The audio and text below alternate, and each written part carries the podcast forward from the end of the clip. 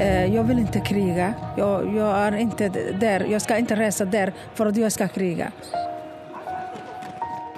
Han skal reise og dø der. كينت سورنسن المكنى بأبي عائشة الدنماركي de sa kom ner, det är bra här, man kan dö här, det, du kan få martyrskap här och ju närmare döden desto tryggare. Man säger så.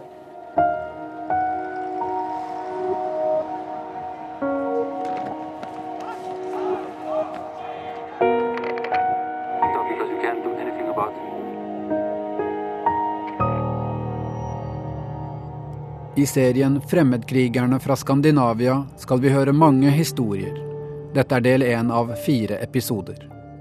Konfliktene i Syria og Irak er blodige og dramatiske. Fra Norge, Sverige og Danmark har hundrevis av personer reist ned for å krige.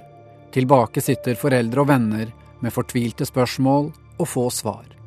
En av dem er den norske faren Isa Aidili. Her er hans historie.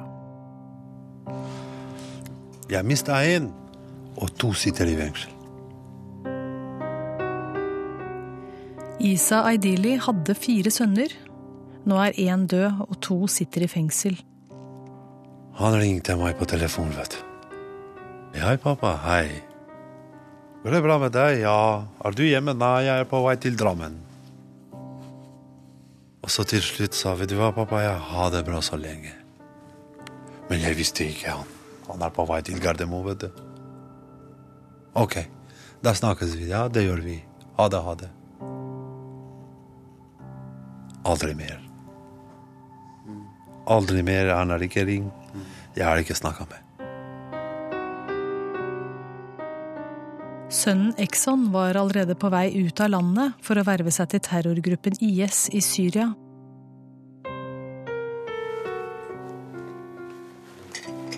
Denne kvelden møtes tre fedre i Bærum for å dele sine erfaringer.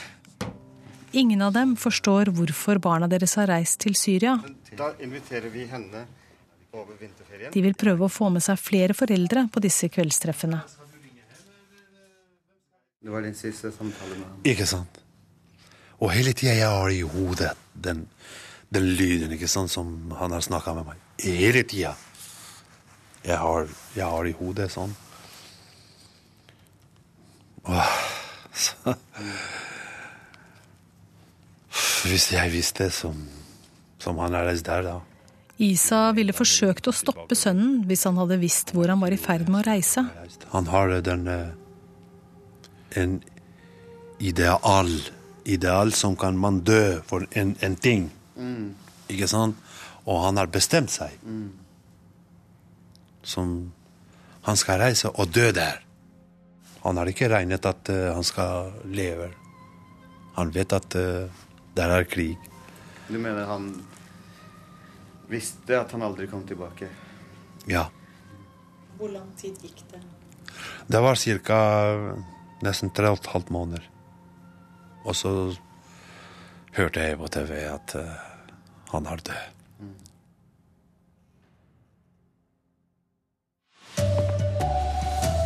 En tidligere talsmann for den islamistiske gruppa Profetens Umma i Norge er drept i kamper i Syria.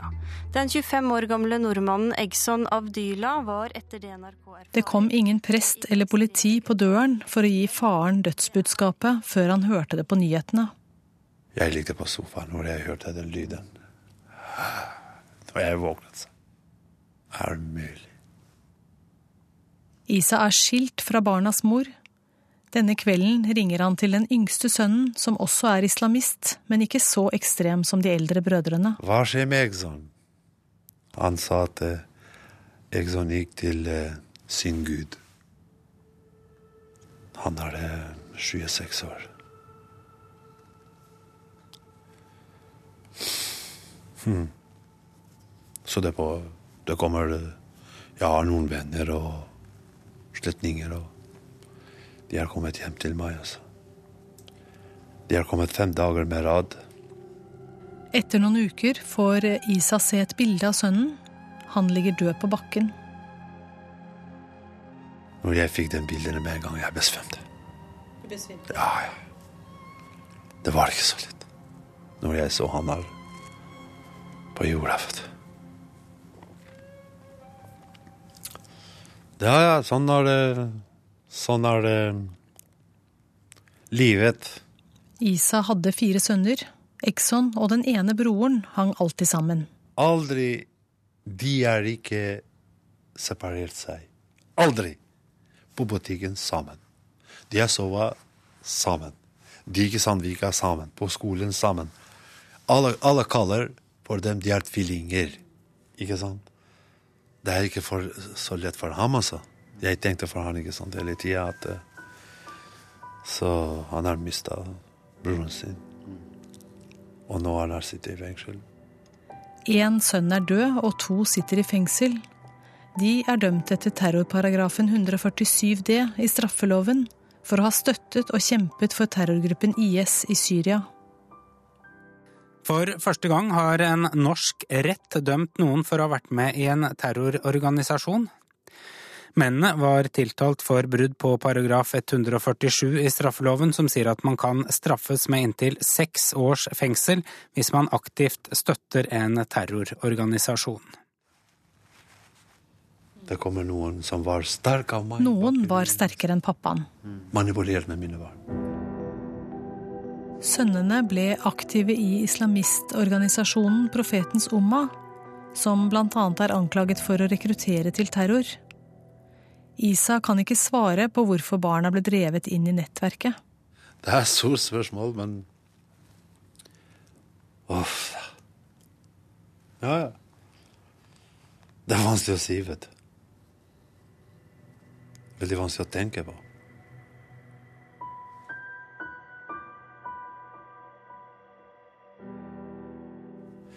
Det var i fjor eh, sommeren. Jeg sitter på Filini kafé, Sandvika. Jeg snakka med en venn, og så det kommer to personer der. En mann og en dame. Hei, er du Isa? Ja, sa jeg. Hun kjenner unga, vet du. Og unger med, med skjegger, ikke sant. Og jeg uten skjegg. Sønnene er høyreiste, og de lot skjegget gro, og på den måten ble de lett synlige i nærmiljøet. Så jeg kjenner eh, de sønnen din, de er veldig høyt. Ja, de er høye.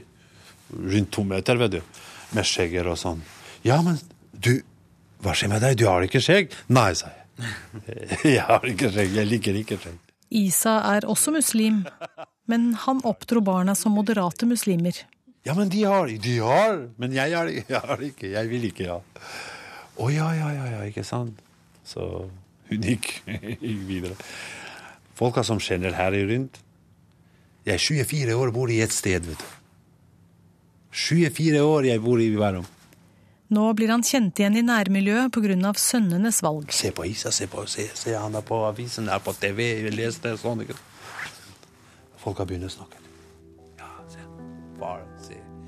Isa tar fram bilde av den døde sønnen. Og har jeg denne bildet fra Exxon, eksempel, som har død der, og så jeg setter der. Se på ham. Herregud. Er mulig. Exxon blir drept i Syria, men før han reiste, var han aktiv i Profetens Umma og en lederskikkelse for islamistene i Bærum. Men egentlig, han er ikke leder. Hva slags leder? Det er vanskelig for faren å se for seg sønnen som leder. Hva slags leder? Ikke sant? Men de kalte de, de, de ungdommene Ja, du er bra, du er sånn, du støter deg, ja, sånn, ikke sant? Hvem er du jeg sa til han mange ganger? Hallo! Du er ikke Du Du har ikke kapasitet. Du er en mann som, som Du er uh, uten skole. De kalte deg leder. Vet du hva betyr leder? Han står stille, snakker ingenting. I november 2012 kaller Profetens Umma inn til pressekonferanse i Oslo. Medlem i Profetens Umma, Exxon Avdyli, forklarte hvordan de har opplevd Her møter Exxon et samlet pressekorps. Denne heksejakten som har funnet sted de siste ukene, startet av PST, er ikke basert på annet enn løgner.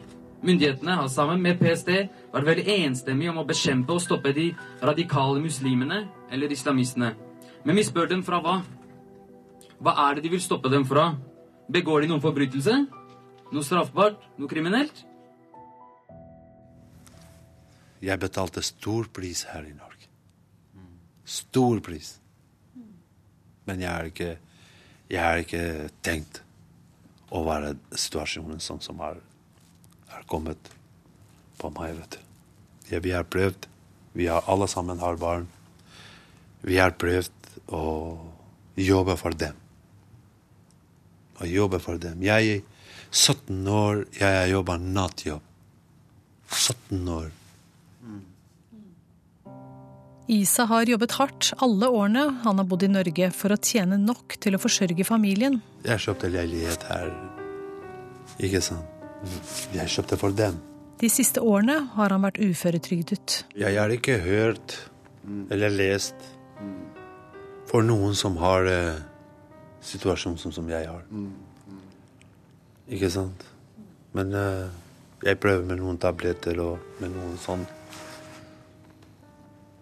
Å bli optimist. Kanskje det skal bli litt bedre en dag. Men tida går fort, skjønner du. Ikke sant? Tida går fort. Så Hva gjør du på dagen? Og på dagen jeg går ikke sant, ca. to timer, fire timer oppover. ikke sant? Kommer kanskje til Sandvika, kommer tilbake på, sk på Skui. Går mot Hønefoss, ikke sant? Eller mot Rykin. Men jeg er sånn. Så jeg bare tenker seg selv. Altså. Kommer hjem og spiser litt og drikker litt kaffe eller te. Ser litt TV og sover. Har noen sovetabletter, altså. Så av og til jeg eh, setter spørsmål for seg selv hvorfor jeg lever, da. Jeg jobber ikke Jeg, Jeg mista barna, mista Hvorfor jeg lever, da. Ikke sant? Av og til det kommer i hodet sånn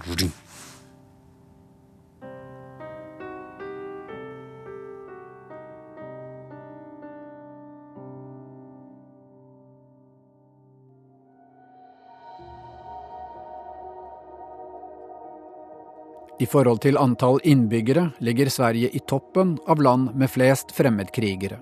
Trolig har rundt 300 svensker reist ned, de fleste av dem for å slåss for IS.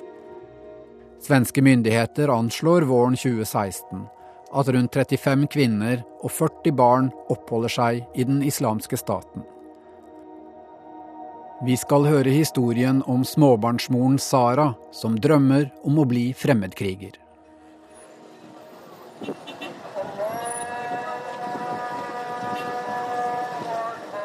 Nord-Syria, sommeren 2014, ved grensen mot Tyrkia.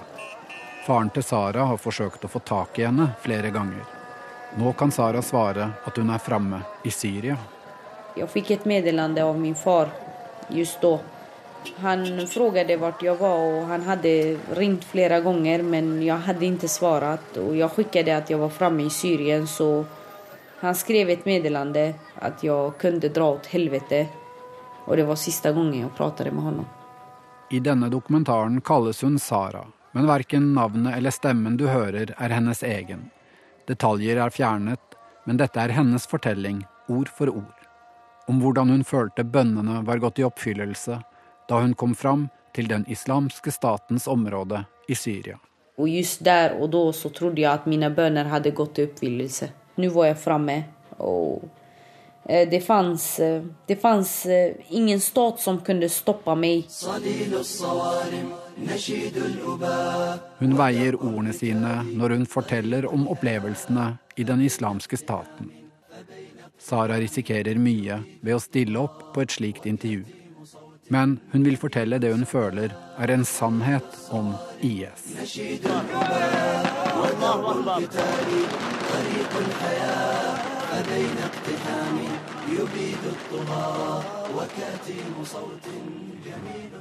Sara gråt av glede. Selv om det bare hadde tatt noen dager å dra fra Sverige til den islamske staten, hadde reisen egentlig vart i over ti år. Sara har ingen forbindelse til Syria selv, og foreldrene var ikke spesielt religiøse. Vi är ju muslimer i bakgrunden men eh, det var jobbig tid då också med alkohol och sånt. Det var många som blev kriminella och höll på med sånne grejer, dåligare grejer. Nå har hun vært tilbake i Sverige en stund. Hun slapper av i sofaen, I naborommet ser barnet hennes på tegnefilm. När vi bodde hemma hos mina föräldrar så var det inte alls trygt. tryggt. Det var jättejobbigt. Det var ganska mycket, mycket händelser hela tiden så man, man var alltid stressad. Sara hadde en urolig oppvekst med alkohol og narkotika i ungdomsmiljøet rundt henne. Religionen ble etter hvert en fast ramme for tilværelsen og en grunn til å ikke ruse seg. Når jeg fikk lære å kjenne islam og visste sånt her var förbjudet, det var som at man levde innom en ram. Og Derfor valgte jeg å ikke gjøre sånne greier, for at jeg var redd at Gud skulle straffe meg på domedagen. På en måte startet det hele med at en hun kjente, mente at hun måtte begynne å bruke hijab. Eh, Det var en som lærte meg at det var fel at man ikke hadde sløya, så jeg testet testade det og lærte kjenne folk som var religiøse. Efter det så ble jeg mer og mer religiøs. Deretter begynte Sara med heldekkende klesdrakt, nikab, som dekket alt unntatt øynene. Hun sluttet på skolen fordi det stred mot religionen, og flyttet hjemmefra, ble gift og fikk barn. Jeg tykte ikke ens at en kvinne skulle behøve ta noen utbildning. Og jeg tykte ikke ens at noen kvinne skulle behøve blande seg med masse menn. Jeg gikk ikke ut så mye. Jeg var medlem i ulike forum som representerte Jihad. Allting var mest online. På nettet. Sara var en fundamentalist, og kanskje er hun det fremdeles. I dag angrer hun på at hun ikke fikk seg utdannelse, men tidligere var hun bare sammen med islamister som var opptatt av hellig krig. Just jihad, det var väldigt speciellt för dem. De är väldigt insatta i det. والله لتهزمن أمريكا في العراق والله ليس لهم عندنا إلا السيف البتار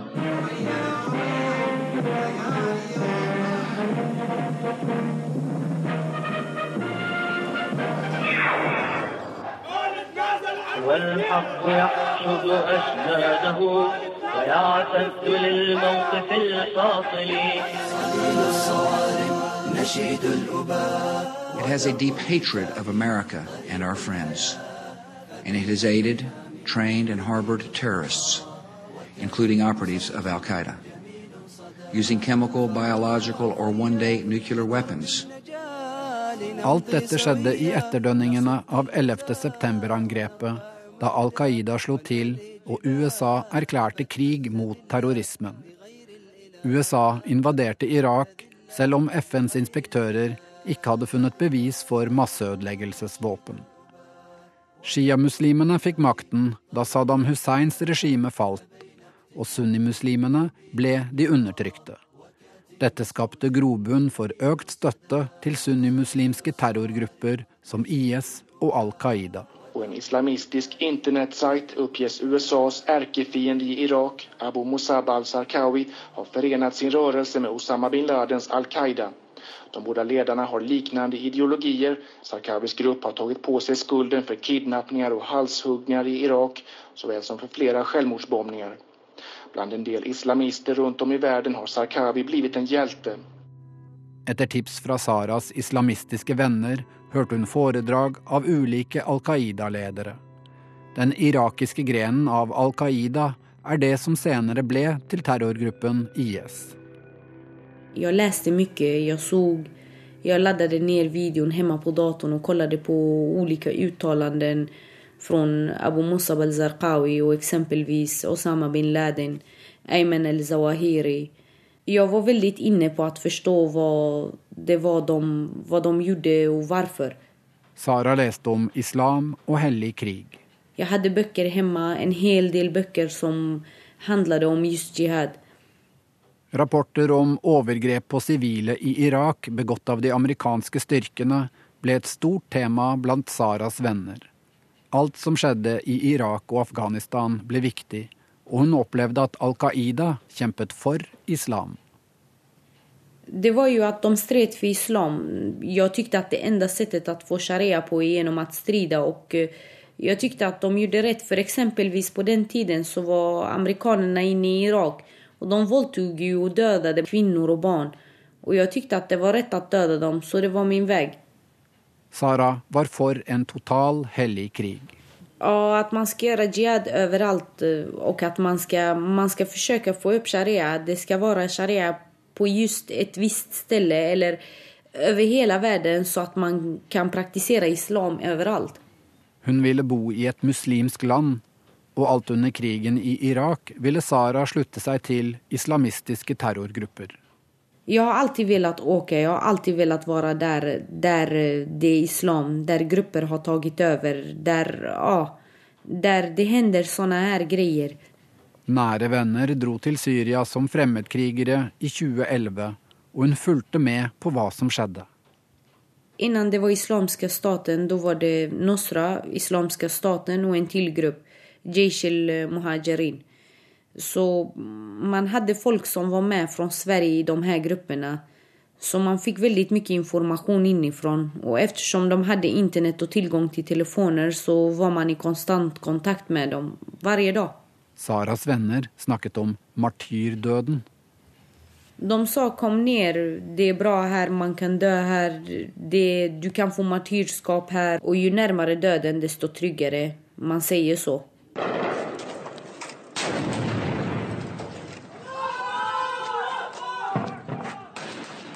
I 2014 hadde IS stor militær framgang og kontrollerte omfattende områder i Syria og Irak. De tok over storbyen Mosul, og 1,5 millioner mennesker flyktet. Det var veldig bra.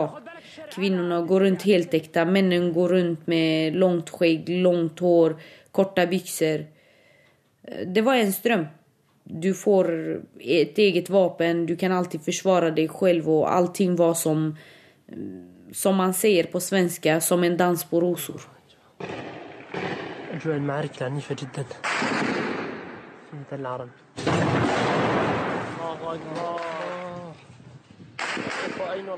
Sara drømte om å slutte seg til IS, gjerne som soldat. Hun kjente seg beredt til å bli martyr, men ansvaret for det lille barnet holdt henne tilbake. Men det var mye i min omgivning, i mitt liv som stoppade meg, som ikke kunne få meg til å forlate Sverige. They've changed their name, but not their tactics. Firande i Raqqa i Syrien. I en video utlagd på nätet skjuter män med svartvita Isis-flaggor i luften för att fira det nya sunnimuslimska kalifat som utropades igår kväll. Raqqa ligger i norra Syrien och är en stad Isis har hållit länge. Och Isis har bytt namn från Islamiska staten i Irak och Storsyrien till bara Islamiska staten. Terrorgruppen IS utropte sitt kalifat i juni 2014, den islamske staten, og forlot navnet ISIS. Sen eh, när där och då det utropades kalifatet så fick jag personligen ett meddelande på min telefon att det, var, det har utropats. Så jag fick en chock samtidigt som jag blev jätteledsen att eh, varför är jag inte där när det har blivit så. Sara tolket det som et varsel innen dommedagen, og at nå måtte hun dra. Historien om Sara fortsetter i neste episode av Fremmedkrigerne fra Skandinavia.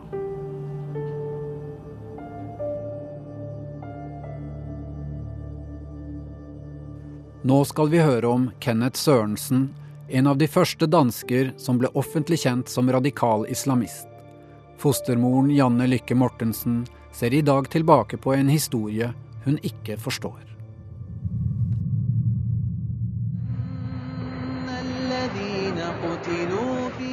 Propagandavideoen viser Kenneth død, med størknet blod i ansiktet, T-skjorte og grønn kamuflasjebukse. Innpakket i et pledd løftes han opp på planet til en liten lastebil og kjøres til en provisorisk grav. En stemme hyller dansken Al Dinamarki.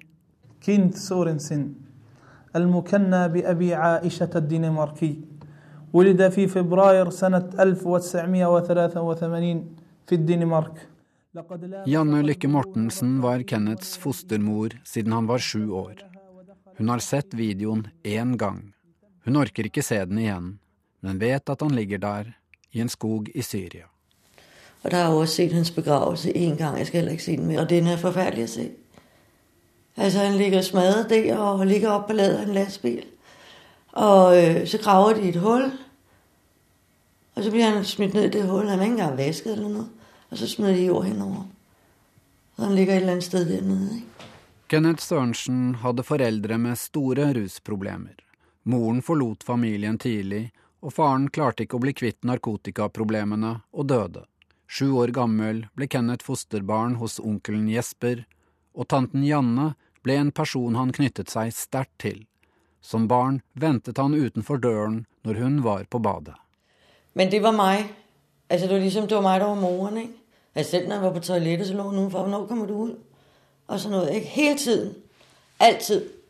Som tiåring ble han redd da tante og onkel dro vekk for å gifte seg, fire dager i Paris. Han har vært like godt ti år. Da blir Jesper og jeg gift, og vi tar tror fire dager til Paris, hvor min søster passer ham. Han går fullstendig bananas i skolen. Han var så bange for at vi ikke kom hjem igjen. Båndene fortsatte å være sterke også når Kenneth ble tenåring og flyttet på hybel. Han ville alltid kysse Janne farvel.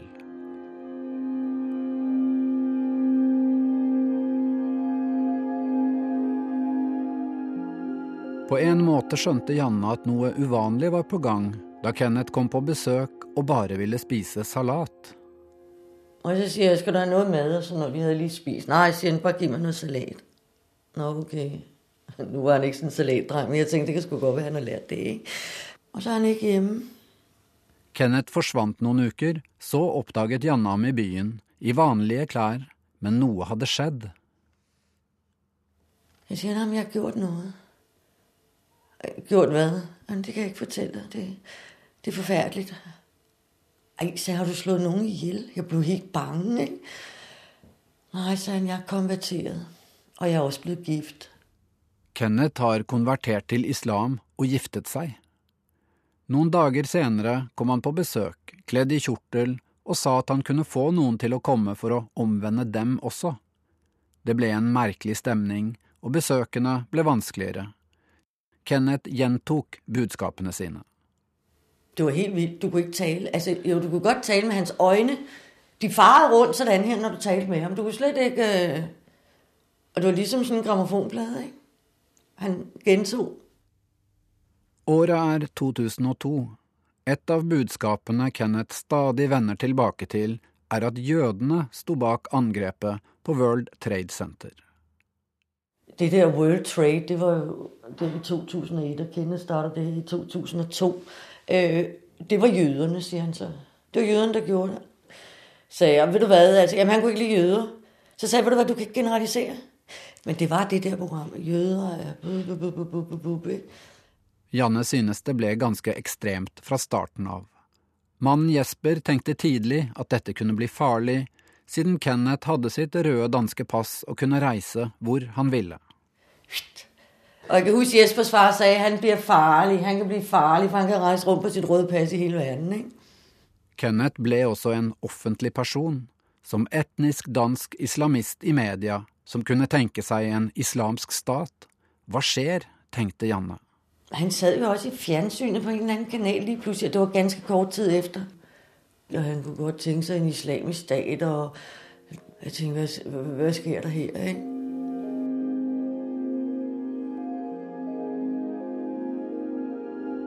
Kenneth hadde hatt en kjæreste en stund. Hun konverterte også til islam og dekket seg helt til med klær. De stiftet familie, fikk raskt to sønner, før de plutselig reiste av gårde, ut av landet. Det neste Janne hørte, var på TV-nyhetene. Så sidder jeg og ser TV-avisen. Så står der danskere anholdt i Yemen. Den danske muslim, som forleden blev anholdt i Yemen for at smule våben til trosfælder i Somalia, blev pågrebet sammen med tre australier, og de tilhører ifølge Yemens myndigheder alle en al-Qaida-tilknyttet celle i landet. Kenneth var anholdt i Jemen, mistenkt for å ha smuglet våpen for Al Qaida. Både danskerne og de tre australier har konverteret til islam og studeret på det fundamentalistiske imam-universitet i Yemen. Den 23-årige dansker flyttede med kone og børn til Yemen for to måneder siden.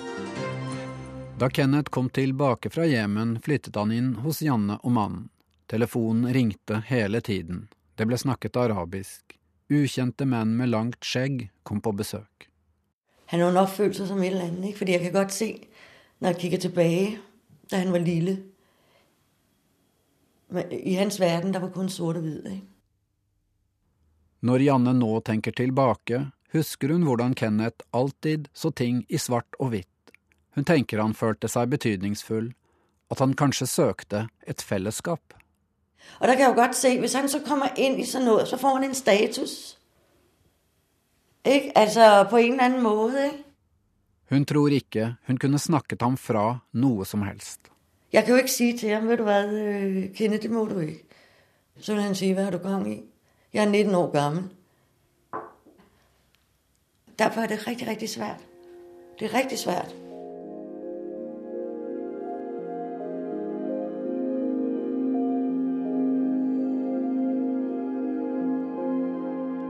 Janne vet ikke så mye om den siste perioden av livet til Kenneth, men oppfattet at det var kaotisk. Han og familien reiste rundt mellom ulike land, og han fortalte at han var stresset. Han skrev, jeg er så stresset opp i mitt hoved, og det kan jeg jo godt forstå nå. Jeg kan jo godt forstå, når han er stresset. Er du sindssyg, man har flyttet fra land til land. Noen måneder før han døde, skrev Kenneth at han ville hjem, forteller Janne, men at det var vanskelig. Kona ønsket ikke å dra tilbake. Jeg lever kun fra dag til dag. Jo, det gør man vel, siger så. Så sier han, jeg lever kun en dag av gangen, for jeg tror, at vores tid er bestemt. بل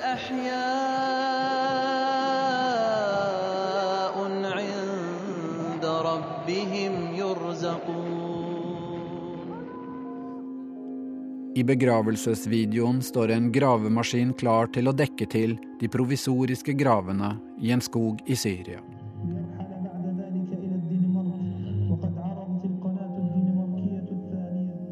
Kenneth ble så vidt 30 år gammel. Janne har mange ubesvarte spørsmål. Men hun kan trøste seg litt med brevet, der Kenneth sier at han tross alt fremdeles var hennes lille gutt. Selvom jeg er blevet en voksen mand med egne meninger, vil du altid have en speciel plads i mit hjerte, og jeg er stadig din lille dreng.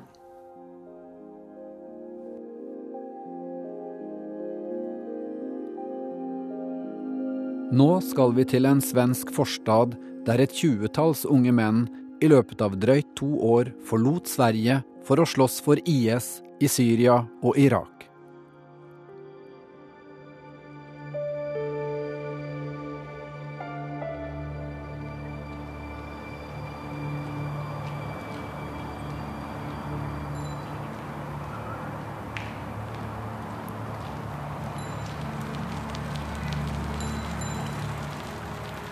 I Örebro finns starka misstankar om att det pågår rekrytering till extremistiska rörelser som Islamiska staten. Tre svenska medborgare som misstänks försöka ansluta sig till extremisterna i IS i Syrien. Och för bara en vecka sedan så kom nyheten om att två unga män från just Vivalla dödats i Irak när de stred på terrorgruppen IS sida.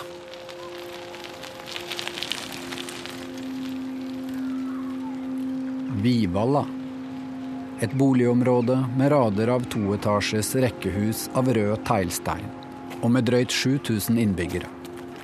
Vivalla ligger noen kilometer utenfor Ørebro sentrum, en by hvor det bor rundt 100 000 mennesker, mellom Oslo og Stockholm. Mycket bra grabbar. Hej! Du må snakke, du kan ikke bare lämna. I august 2013 er sommerferien over. Den muslimske fastemåneden ramadan er akkurat ferdig. For fotballaget i Vivalla går sesongen mot slutten. De skal dra til den siste bortekampen. Min første liksom, tanke var liksom Å, ikke nå igjen. De, de ligger og sover. Lagleder Ibrahim, som ikke vil at vi skal bruke hans ekte navn, står og venter sammen med resten av laget utenfor Vivalla sentrum. Men tre av gutta dukker ikke opp. Vi ringde några gånger, fyra, fem gånger till alla de här spelarna. Jag tror till och med att någon spelare hade gått till någon av killarnas vet du, en lägenhet och knackat. Men det var ingen som öppnade så han kom tillbaka och sa men de öppnar inte.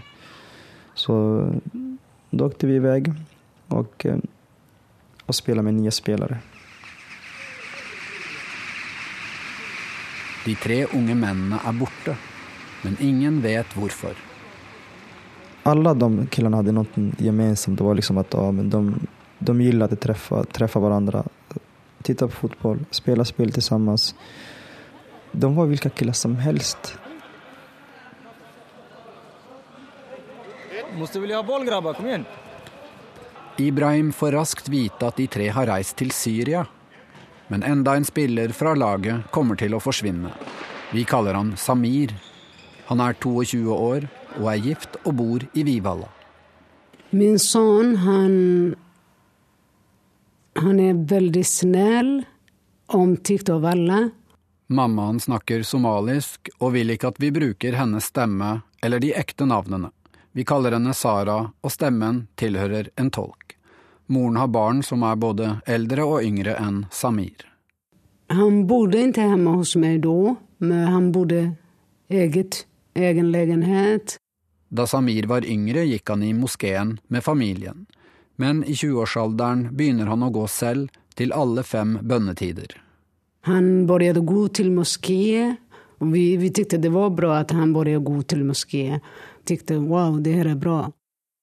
Samir har ofte vært i moskeen sammen med kompisene fra fotballaget. Når Sara får høre at de andre har reist til Syria, blir hun urolig og mistenksom. Når første gruppen åkte, og det var folk som han omgikk, da ble vi urolige og eh, ble mistenksomme mot ham. På kveldene når han kommer hjem, jeg gjør sikker at han er hjemme. På, på morgenen så ringer jeg eller går hjem til ham og koller er han kvar. Jeg tappet tillit til ham. Men tre uker senere får Sara en telefon fra en slektning som forteller at Samir har reist fra Vivalla mot flyplassen. Jeg kom hjem, og det var et, en av mine sønner som var der. Og han tok meg i aksen og hjalp meg å sitte i sofaen. Og da kom hun som ringte meg, og mange andre kvinner i Vivalla. Og jeg var fortsatt sjokket og ledsen, og da sa jeg til dem jeg vil gå til politiet og informere hva som har hendt. Sara tenker at kanskje Samir ikke har forlatt Sverige ennå, og får kontakt med den lokale politimannen Fredrik Malm. Och jag ringde upp till eh, Arlanda för att se om den här personen hade rest ut och om, man kunde få, om jag som polis kunde få reda på det. Och det var inte så jätte, jätteenkelt. Men jag vet att hon kände en frustration över att polisen inte, eller jag upplevde att hon kände en frustration över att polisen inte kunde göra någonting, även fast jag försökte där. Då. Men alltså det, jag förstår ju som mamma när man kommer, man har ju panik. Man vill ju bara att det ska, ska hända någonting. Liksom så. Til slutt gav han upp og han sa att jeg er ledsen, det er ingenting jeg kan gjøre, han er voksen, jeg håper at det blir bra. Og han klappet akselen. Det er ikke enkelt for politiet å gjøre noe. Sara tenker at hun kanskje burde reise til Tyrkia for å forsøke å finne sønnen. Det var ingenting jeg kunne gjøre, det, det var, våre veier skiltes. Jeg tenkte kjøpe en billett og åke til Turkiet og lete etter ham. Men hva hjelper det at jeg kommer til Turkiet og bor i et hotell, leter etter ham, og de andre barna er her, og det er ingen som tar hånd om, så jeg bestemte meg å være kvar og ta hånd om dem som er kvar. Det var det svenske overvåkningspolitiet Sepo som håndterte slike situasjoner. Høsten 2013 hadde ikke lokalpolitiet noen mulighet til å hindre myndige personer fra å reise varken vi själva som polis och kommun vid den här tidpunkten såg det här som ett stort problem. Liksom. Så det fanns andra saker som var mycket närmre som, som problem som man var tvungen att, som var konkreta som man var tvungen att ta till. Här hade vi några som försvann liksom. och, och vi visste att de hade åkt frivilligt.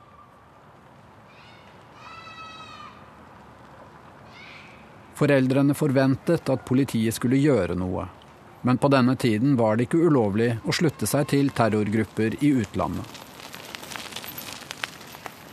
Og det sprer seg som et virus blant de røde teglsteinshusene. I løpet av 2013 forsvinner tolv unge menn.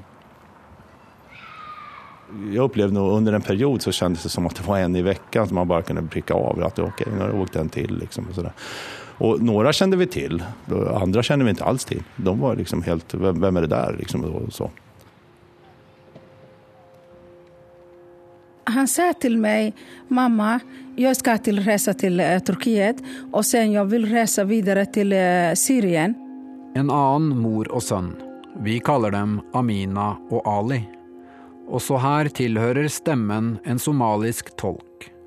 Ali er kompis av Samir, og han forteller til moren sin at han reiser ned for å hjelpe kvinner og barn på flukt. Jeg vil ikke krige. Jeg, jeg, ikke är der där. jag ska inte resa där för att jag ska. Men jeg vil hjelpe de menneskene som er behovende. Ali er 23 år og oppvokst i Vivalla, og også med på fotballaget til Ibrahim. Han var veldig liten kille, så det teknisk. Veldig snabb, men jeg bruker alltid si til honom men det hjelper ikke hvor teknisk og snabb du er, for at, uh, han klarer ikke av nærkampene. Han var en enkel match for motstanderne. Det lokale politiet tenkte ikke at mennene som reiste var ekstremister. Jeg oppfattet ändå ikke de her guttene som noen religiøse fanatiker utan mera att religionen var för att rättfärdiga det man skulle göra. Eh, En känsla av att vilja delta i någonting, få en mening med livet, sånne sådana saker. Och sen rättfärdigar man det genom att man har eh, gått in i sin tro liksom så. Høsten 2013 får Ørebro kommune en telefon fra det svenske justisdepartementet om de tolv unge mennene fra Vivalla som har reist til Syria. De här killarna visste vi ingenting om, om de hade åkt, varit i Syrien, om de hade varit i tältläger vid turkisk-syriska gränsen. Eh, vi hadde ikke en aning om det. Thomas Gustavsson driver med kommuneplanlegging og får saken på sin pult. Da var det faktisk så at da pratar man ikke om islamiske staten. På denne tiden Samir og Ali reiser ned, er ikke IS Vestens verste fiende. Sommeren 2013 er det først og fremst Syrias president Assad som skal bekjempes. Han anklages for å ha brukt kjemiske våpen mot egen befolkning. Nå sier Hvite huset at det står klart at de syriske regeringstrupperna har anvendt stridsgas. Läget er katastrofalt. Det saknes mat, medisiner, vatten Og det gjør at mennesker dør hver varje dag. Och i linje med det har nu Vita huset beslutat att för första gången, officiellt i varje fall, skicka direkt militär hjälp till rebellerna. Det var nærmest en aksept for at man ville reise ned og bidra i den dramatiske situasjonen. Det var inget om IS, eller de, de ikke inte så stor makt. Ibrahim fra fotballaget tenker også at det var en annen situasjon. I 2013 lurte de på hvilke grupper gutta hadde sluttet seg til. Så da var det liksom bare om men er de hvilke grupper har de havnet i? hva gjør de der? Og eh, jeg tenkte fortfarande at, at amen, det er noen som åkte dit for å hjelpe til. Men da antar jeg at man meddeler sine i alle fall foreldre og nærmeste kompiser. Men eh, det virker som at ingen visste någonting. Så då, i, i hösten 2013 det var väldigt rörigt. Och så ingen visste liksom vart de var. Vivalla sentrum med bibliotek, politistasjon og tannlegekontor. På benkene sitter det unge og gamle menn. Kvinner går forbi med handleposer. Nesten hver fjerde voksne er arbeidsledig, og bare halvparten av de som går ut av grunnskolen, kommer inn på videregående. Er det her på torget noen diskuterer om de skal reise til Syria? Eller skjer alt på sosiale medier? Ryktene går, og foreldrene er urolige. Hvem, hvem kommer å åke? Hvem, hvem holder på dette? Politi og foreldre lurer på hvem som rekrutterer de unge mennene. Noen mistenker moskeen og andre personer i området. Men ingen pågripes, og usikkerheten preger familiene. Det blir veldig slitsamt relasjon med barnen. At man tenker er det han som åker, eller han, eller han? Eller hvem, hvem, hvem, hvem har kontakt med de her menneskene? Hvor har de kommet inn? Og det var veldig det var, det var for mye. I og med at ryktene går, da bør man skylde på hverandre. Da fikk man alltid høre ja det er han som ligger bakom det, det er han som ligger... Og eh, det dukket opp mange namn. Sara hører ikke noe fra sønnen Samir og får ikke tak i ham på telefonen. Men Amina har hørt fra sin sønn Ali. Jeg var den enda mammaen som min sønn ringde meg. De andre mammaene deres barn bruker ikke ringe til dem. Ali forteller at han hjelper flyktninger på grensen mellom Syria og Tyrkia. Jeg hadde ingen aning om han skulle komme hem. En dag jag väntar honom. Jag tittar ute. Jag öppnar hans Facebook mitt i natten och tittar om kanske han använder. Och fortfarande jag lever med den känslan. Det har gått noen uker, og Sara har fortsatt ikke hørt noe fra Samir.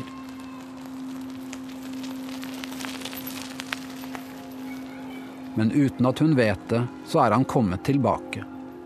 Sara står på kjøkkenet og lærer datteren å lage pannekaker. Medan jag pratade med henne och visade hur man lagar pannkaka så var det någon som knackade på dörren och det var min lilla dotter som öppnade dörren.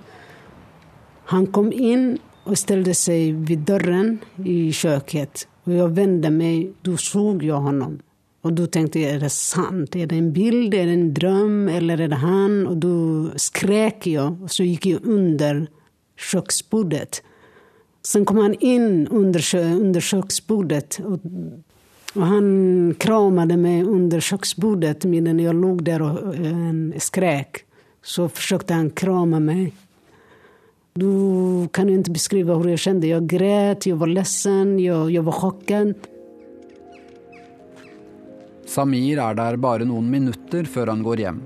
Først vil han ikke snakke med noen, men to dager senere får Sara treffe sønnen. Då var han veldig ledsen og han gret når han så meg. Han gret og gret, og jeg var, jeg var ikke like ledsen som forrige gang når jeg så ham, men jeg var samlet, og jeg pratet med ham med alvor. Hvorfor kom du tilbake? Hvorfor gjør du så her mot oss og mot deg selv? Samir sier at han bare har vært på ferie, at han ikke har vært der hun tror. Jeg åkte inte dit du tror at jeg åkte. Jeg åkte bare to uker til Turkiet. Jeg hadde to ukers semester. Men du tror at jeg åkte noen annensteds. Jeg åkte ikke dit du tror at jeg har åkt. Sara trodde på sønnen. At han kom tilbake veldig snabbt trodde jeg at det kunne stemme med det han sa. Og ettersom han opprepet hele tiden, tro på meg, tro på meg', og han kom tilbake veldig snabbt, da tenkte jeg at det kanskje stämmer. Han, han, han, han var inte van att ljuga.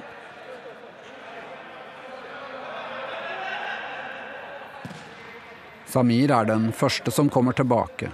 Senere kommer de andre, én etter én, og fotballeder Ibrahim er lettet. Da fikk jeg bare syn på dem. Da tenkte jeg men ah, ah, de er her. Det var, det var en så stor greie av det. Jeg, jeg ble bare glad at de var her, og jeg håpet at de skulle stå kvar. I november er innendørssesongen i gang for fotballaget.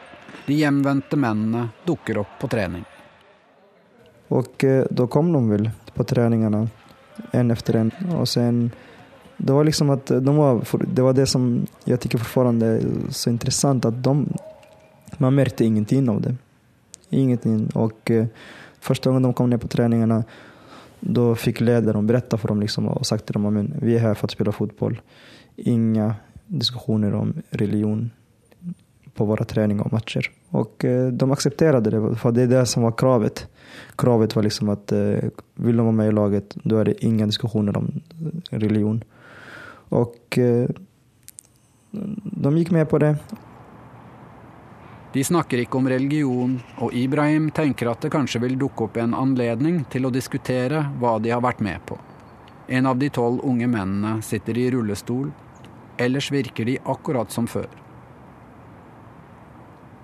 Noen foreldre er urolige for at de skal dra tilbake, og kontakter politiet. Så vi, vi treffer de her foreldrene helt enkelt og, og spør hva, vad kan vi gjøre. da? Liksom så. Ja, de behøver jobb sier de her foreldrene. da. Ja, okej. Eh, polisen tillhandahåller inte jobb. Så att vad man gjorde var att man tog enskilde enskilda möten sen med, med respektive ung man då, och bara se till för att de flesta var inte ens inskrivna på Arbetsförmedlingen. Man har liksom inte ens kommit in i rullarna. Så man såg till att de, att de kom in i, den vanliga svängen och var hjälp, ja, jobbsökande som alla andra. Thomas Gustavsson i Ørebro kommune får vite at ingen er tiltalt for noe lovbrudd, og kommunen forsøker å komme opp med noen tiltak. Sikkerhetspolisen hadde vært hjemme hos alle familier. Polisen hadde utrett det her. Og da fikk vi i Ørebro kommun fra polisen at ingen hadde begått noe brott som kunne lagføres. Og så begynte vårt arbeid med de her ungdommene, akkurat som med hvilke ungdommer som helst. En praksisplass i kommunen kunne være en sjanse til å komme inn på et nytt spor. Mikael Blix får Samir inn på jobbintervju, og tilbyr han det han har, en jobb i parkvesenet. Det var en lång, gänglig ung man som kändes lite vilsen, men ändå att han nämner de här faktorerna om viljan att studera och sådär. Och det gjorde intryck på mig, vilket eh, gjorde att vi helt enkelt beslöt att gå vidare. Det vi kunde erbjuda var ju arbeten inom yttre skjøtsel. Det, det kanske inte riktigt var vad han ville. Så. Men, men, men å andra sidan så, så var det det vi kunde erbjuda. Samir klipper gress, rydder i midtrabatter og plukker søppel. Han verkade sköta seg selv och vara hemma mer och ta hand om sin økonomi og mindre kontakt med de som var på väg att åka eller de som åkte. Han visade oss annan bild av seg selv som lugn, skötsam. Så han var veldig lugn person. Moren forteller at Samir var rolig og hadde mindre kontakt med de andre som hadde vært i Syria. Men han ble litt ertet for jobben. Den var på et vis nederst på rangstigen. Han ønsket seg mye bedre jobb enn det her. Det var lägsta som kommunen kunne erbjuda for en ungdom. Så var det det som tilbys fra kommunens side. Og da föll han till längst ner i trappan och det kändes veldig tungt for honom. Dessutom mobbade de som finnes i området i, i, det, i det han gjorde. Samir mister helt interessen for å arbeide. Vi pratet gjennom dette, og da sa han nei, jeg vil ikke jobbe nå, jeg vil studere i stedet. Vi frågade hvordan kommer du forsørge deg og betale hyren, og hvor kan du få inkomst. Men noe har hendt, så han sluttet å jobba. Samir slutter å jobbe. Noe har skjedd, og mer skal komme til å skje i neste del. Historien om Isa Aidili var laget av Kaja Frøysa. Fortellingen om Sara var ved Karvan Farai, produsent Kajsa Norell og sluttversjon ved Håkan Engstrøm og Fredrik Nilsson. Klaus Vittus var ansvarlig for innslaget om Janne Lykke Mortensen. Dokumentaren om Vivalla er laget av Lovisa Lam Nordenskjøld, produsent Robert Barkmann, sluttmiks ved Fredrik Nilsson. Lyddesign ved Nils Jakob Langvik og Merete Antonsen. Serien er en skandinavisk samproduksjon støttet av Nordvisjonsfondet. Satt sammen og produsert av Kjetil Saugestad. Neste episode av Fremmedkrigerne fra Skandinavia. De trodde hun var død, men så det er jo ikke noe pålitelig informasjon, men Nå er det over, og nå kommer jeg aldri mer å få se Sverige igjen. Og jeg var veldig glad for det.